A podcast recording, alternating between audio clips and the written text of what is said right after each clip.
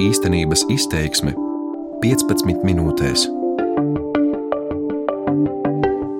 Latvijas ekonomika ir maza, un pat mūsu lielie uzņēmumi Eiropā pārsvarā ierindojas mazo un vidējo grupā. Taču mūsu ekonomika ir ļoti elastīga un spēj ātri pielāgoties negaidītām situācijām un ātri atgūstas pat pēc smagām krīzēm.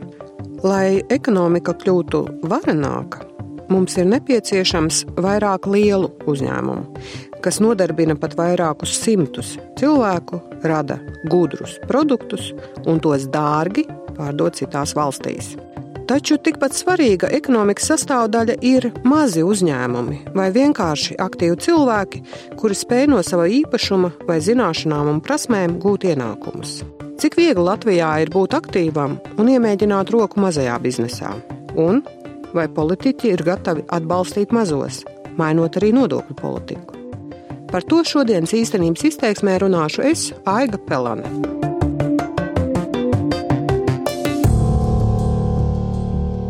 Latvijas likumi ir strikti. Tie paredz, ka par saimniecisko darbību tiek uzskatīta jebkura sistemātiska, patstāvīga darbība par atlīdzību. Tātad, jebkurai personai, kura gūst ienākumu no kaut kā, vismaz trīs reizes gadā ir jādeklarējas un jāreģistrē savu saimniecisko darbību uzņēmuma reģistrā vai valsts ieņēmuma dienestā. Pārdevi trīs sādītos zeķu pārus gadā, vai arī paziņām uzcep uz svētkiem trīs gardas kūkas, vēl nekas. Bet ceturtā torte jau liecinās par nopietnu biznesa darbību ar visām izrietošajām sekām - reģistrēšanos un nodokļu vai nodevu maksāšanu. Latvijā ir vairāki nodokļu režīmi, kurus teorētiski mazais uzņēmējs var izmantot. Piemēram, patentu maksu vai strādāt izmantojot autoratlīdzības līgumu, var reģistrēties kā pašnodarbinātājs vai kā individuālais komersants. Var arī nodibināt mazkapitāla firmu un maksāt mikrouzņēmumu nodokli. Tāpat īpaši regulējums ir zemnieku un zvejnieku saimniecībām. Iespējams, ka ir vēl kādi varianti, kurus esmu palaidus garām. Teorētiski var visām iespējām iziet cauri un atrast sev labāko, bet praktiski nereti sīkražotāji vienkārši tam visam uzpļauj un nevienam neatskaitās. Protams, valsts ieņēmumu dienests var kādai nereģistrētai kūku cepējai uzkulties sociālajos medijos, kur neaizdomājoties ielikta kūkas bilde ar aicinājumu to iegādāties. Pirms vairākiem gadiem vairākas dāmas tika pieķertas sūtot pa pastu paša šūtās kleitas biežāk nekā trīs reizes gadā. Diemžēl tas pats valsts ieņēmuma dienests nesen bija spiests atzīt. Nereģistrētā saimnieciskā darbība palielinās, īpaši internetā. Un tas nav nekāds brīnums. Ja politiķi uz mūsdienu ekonomiku skatās ar vakardienas acīm, tad droši var prognozēt, šī situācija tā arī neuzlabosies. Cilvēki kļūst aktīvi un cep ne tikai kūkas un šuiklētas. Pieaug arī tā saucamās dalīšanās ekonomikas apmēri. Turklāt tas notiek neskatoties pat uz valstu vēlmi kaut kā to visu ierobežot un kontrolēt. Tiek lēsts, ka pēc sešiem gadiem Eiropā dalīšanās ekonomikas apmērs būs jau 80 miljardi eiro. Ko tad nozīmē dalīšanās ekonomika? Tas nozīmē, ka kāds pārdod vai dalās, piemēram, ar savu īpašumu vai zināšanām ar kādu citu, pretī saņemot kādu citu pakalpojumu vai arī samaksu par to. Savā ziņā tā vismaz daļēji ir atgriešanās pie bartera. Taču digitālās lietotnes un tieši saistes platformas šai ekonomikai piešķir pavisam citus apmērus un attīstību. Tās ātri saved kopā pircēju un pārdevēju, tāpat ar to palīdzību var veikt maksājumus, kuri nemaz neparādās banku kontos. Līdz ar to valsts pat nevar izkontrolēt šos darījumus, vai arī tai to izdarīt ir ļoti grūti. Ļoti daudzi, kas šādi gūst ienākumus, nereti strādā arī algotu darbu, un, lai arī regulāri, taču tie ir tikai papildu ienākumi. Vai un kā izkontrolēt sīko biznesu? Pieļauju, ka tas valstī ar katru gadu kļūs arvien dārgāks prieks. Vai valsts būtu gatava atteikties no kādas nodokļu daļas un, piemēram, ļaut saviem iedzīvotājiem piepelnīties un neatskaitīties par šiem ienākumiem? Vai arī atskaitīties, bet ļoti atvieglotā formā? Gribas cerēt, ka tas kādreiz būs.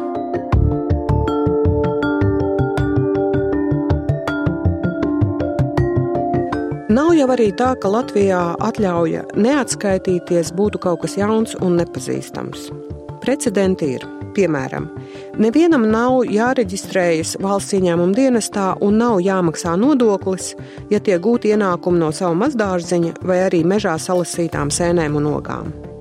Tiesa, gulēt mierīgi jūs varat tikai tādā gadījumā, ja ienākumi no šīs nodarbes nepārsniedz 3000 eiro gadā.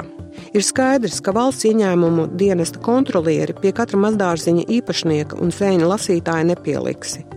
Ja nebūtu šādas valsts pretīm nākšanas, atskaišu jau tāpat visdrīzāk nebūtu. Līdz ar to valstī ir izdevīgāk un saprātīgāk tās vispār neprasīt. Tāpat Latvijā nepilnus desmit gadus darbojas mikro uzņēmumu nodokļu sistēma, kas iepriekš bija ļoti izdevīga mazajiem uzņēmējiem, nomaksā noteiktu nelielu procentu no apgrozījuma un dzīvo mierīgi, bez liekiem satraukumiem. Un daudz tā arī darīja. Mikro uzņēmumu nodokļu maksātāju skaits vienā brīdī ļoti strauji auga. Taču līdz ar skrūju piegriešanu šis process ir apstājies, un šī uzņēmējdarbības forma, lai arī joprojām gana populāra, vairs nav tik izdevīga. Jo katrai medaļai ir arī otra puse. Tieši mikro uzņēmuma nodokļu sistēmu izmantoja nodokļu optimizētāji, jeb tie, kuriem šāds atbalsts pēc būtības nemaz nepienācās. Otrkārt, Tas kropļoja darba spēka tirgu un veicināja nevienlīdzīgu konkurenci starp vienas nozares uzņēmumiem. Treškārt, mikrouzņēmumu nodokļu sistēma izveidoja lielu slāni cilvēku, kuru sociālā aizsardzība ir niecīga. Nav iespējams saņemt ne adekvātu slimības, ne bezdarbnieka pabalstu, ne arī cerēt uz normālu pensiju vecumdienās, jo samaksātais nodoklis ir mazs. Ir skaidrs, ka šajā sistēmā joprojām strādājošo cilvēku labklājība vecumdienās gulsies uz sabiedrības pleciem. Vairumam no viņiem būs jāpalīdz. Citu variantu vienkārši nav. Neveiksmes ar mikro uzņēmumu nodokli ir mainījušas arī valsts attieksmi pret dažādiem atvieglojumiem. No liberālas pieejas tā lēnām slīd uz strikta konservatīvisma pusi. Proti, visiem ir jāmaksā nodokļi un jo vairāk, jo labāk. Šāda pieeja ir ļoti labi saprotama un viegli izskaidrojama. Pirmkārt, liberālai pieejai nav rezultātu. Ēnu ekonomikas apmērs Latvijā joprojām ir ļoti liels, teju ceturtā daļa no iekšzemes koprodukta, tā skaitā arī aploksņu auga apmēri mazinās ļoti lēni. Otrkārt, lai arī valsts budžets paliek lielāks, naudas trūkst piemēram, veselības nozarei. Tāpat ir jāvēr ciet skolas, netiek laboti ceļi, jo mēs vienkārši nevaram to atļauties. Treškārt, palielinās spiediens arī sociālajā budžetā, jo ir skaidrs, ka pašreizējā pensiju sistēma nespēja atrisināt problēmu, ka nākotnē joprojām būs ļoti daudz nabadzīgu pensionāru.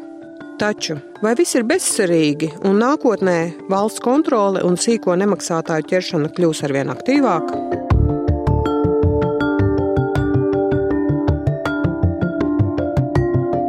Pat labi šķiet, ka pārmaiņas ir nobriedušas. To noteikti veicina arī tehnoloģiju radītās iespējas pelnīt tā, lai valsts īpaši to nepamana. Tas politiķus agrāk vai vēlāk spiedīs domāt par būtiskām izmaiņām pašā nodokļu sistēmā un izšķirties. Par ko tad nodokļus ir jāmaksā un kur ir tā zona, kurā valsts neiejaucas un ļauj vaļu ikatram, kas vēlas nedaudz piepelnīties. Par to, ka iespējams jau visai drīz varētu sākties diskusija. Par atbalstu mazajai uzņēmējdarbībai un amatniecībai liecina vairākas lietas.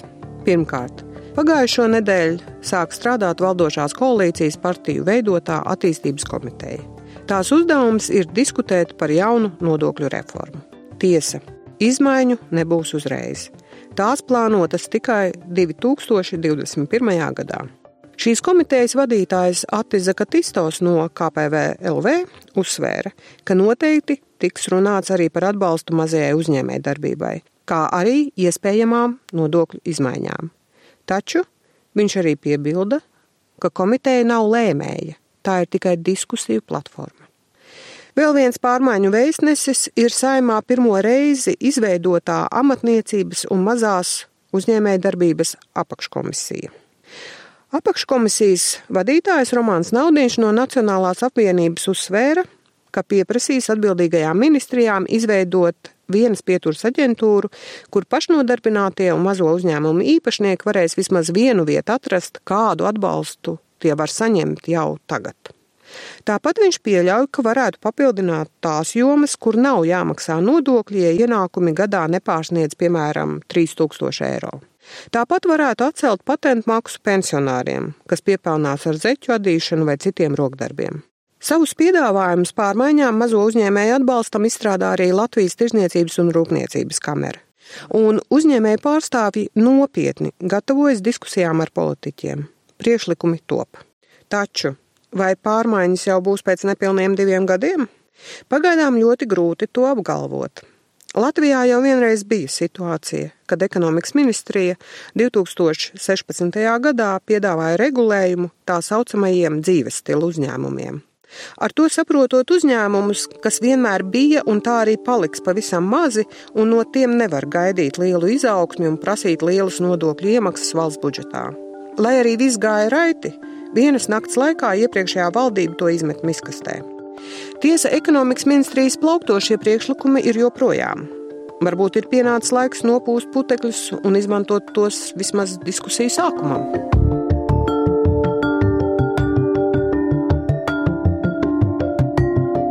Veidojot šo materiālu, runāju ar kādu mazo uzņēmēju, kas ir reģistrējusies kā pašnodarbinātā. Pamēģinājusi kaut ko nopelnīt ar aušanu, tad ar radīšanu, nekas lāgā nav sanācis, taču labi aizgājusi rotu darināšana. Diemžēl attīstīt savu, es to drīzāk sauktu par hobiju, jau līdz nopietnākam biznesam neizdodas. Viņai esot plānveida ekonomika un galvenais esot noturēties, lai peļņa mēnesī nepārsniedz 430 eiro.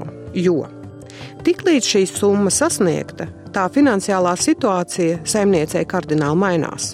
Viņai ir jāpiedzīvo liels nodokļu lēciens pāris desmit eiro vietā, kas ir jāmaksā līdz 430 eiro. Viņai valstī ir jādod līdz pat trešajai daļai, ja vairāk nekā 130 eiro.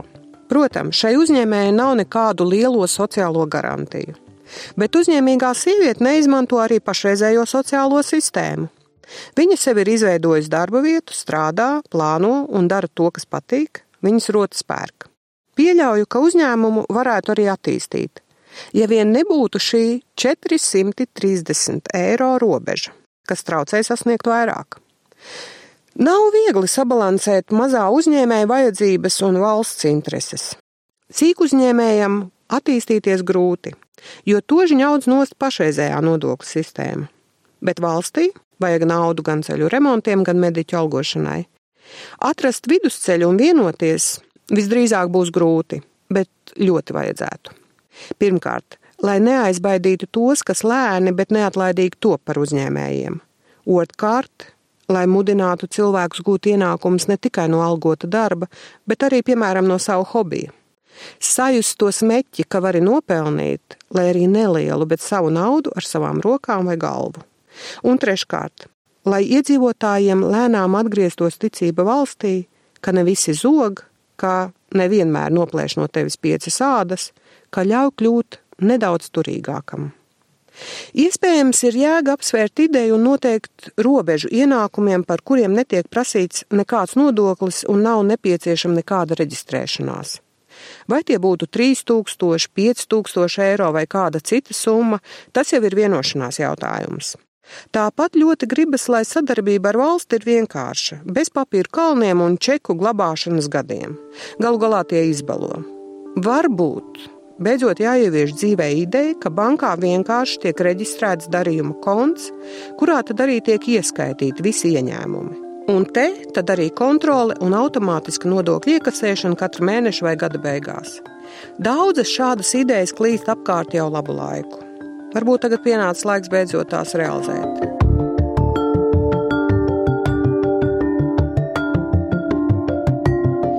Un vēl nobeigumā Amatniecības un mazās uzņēmēja darbības apakškomisija ir noskaidrojusi, tā kā tuvojas vasaras saulgriežu laiks visiem, kas darinās Jāņu vainagus un tirgos Jāņu zāles, nav nekur jāreģistrējas.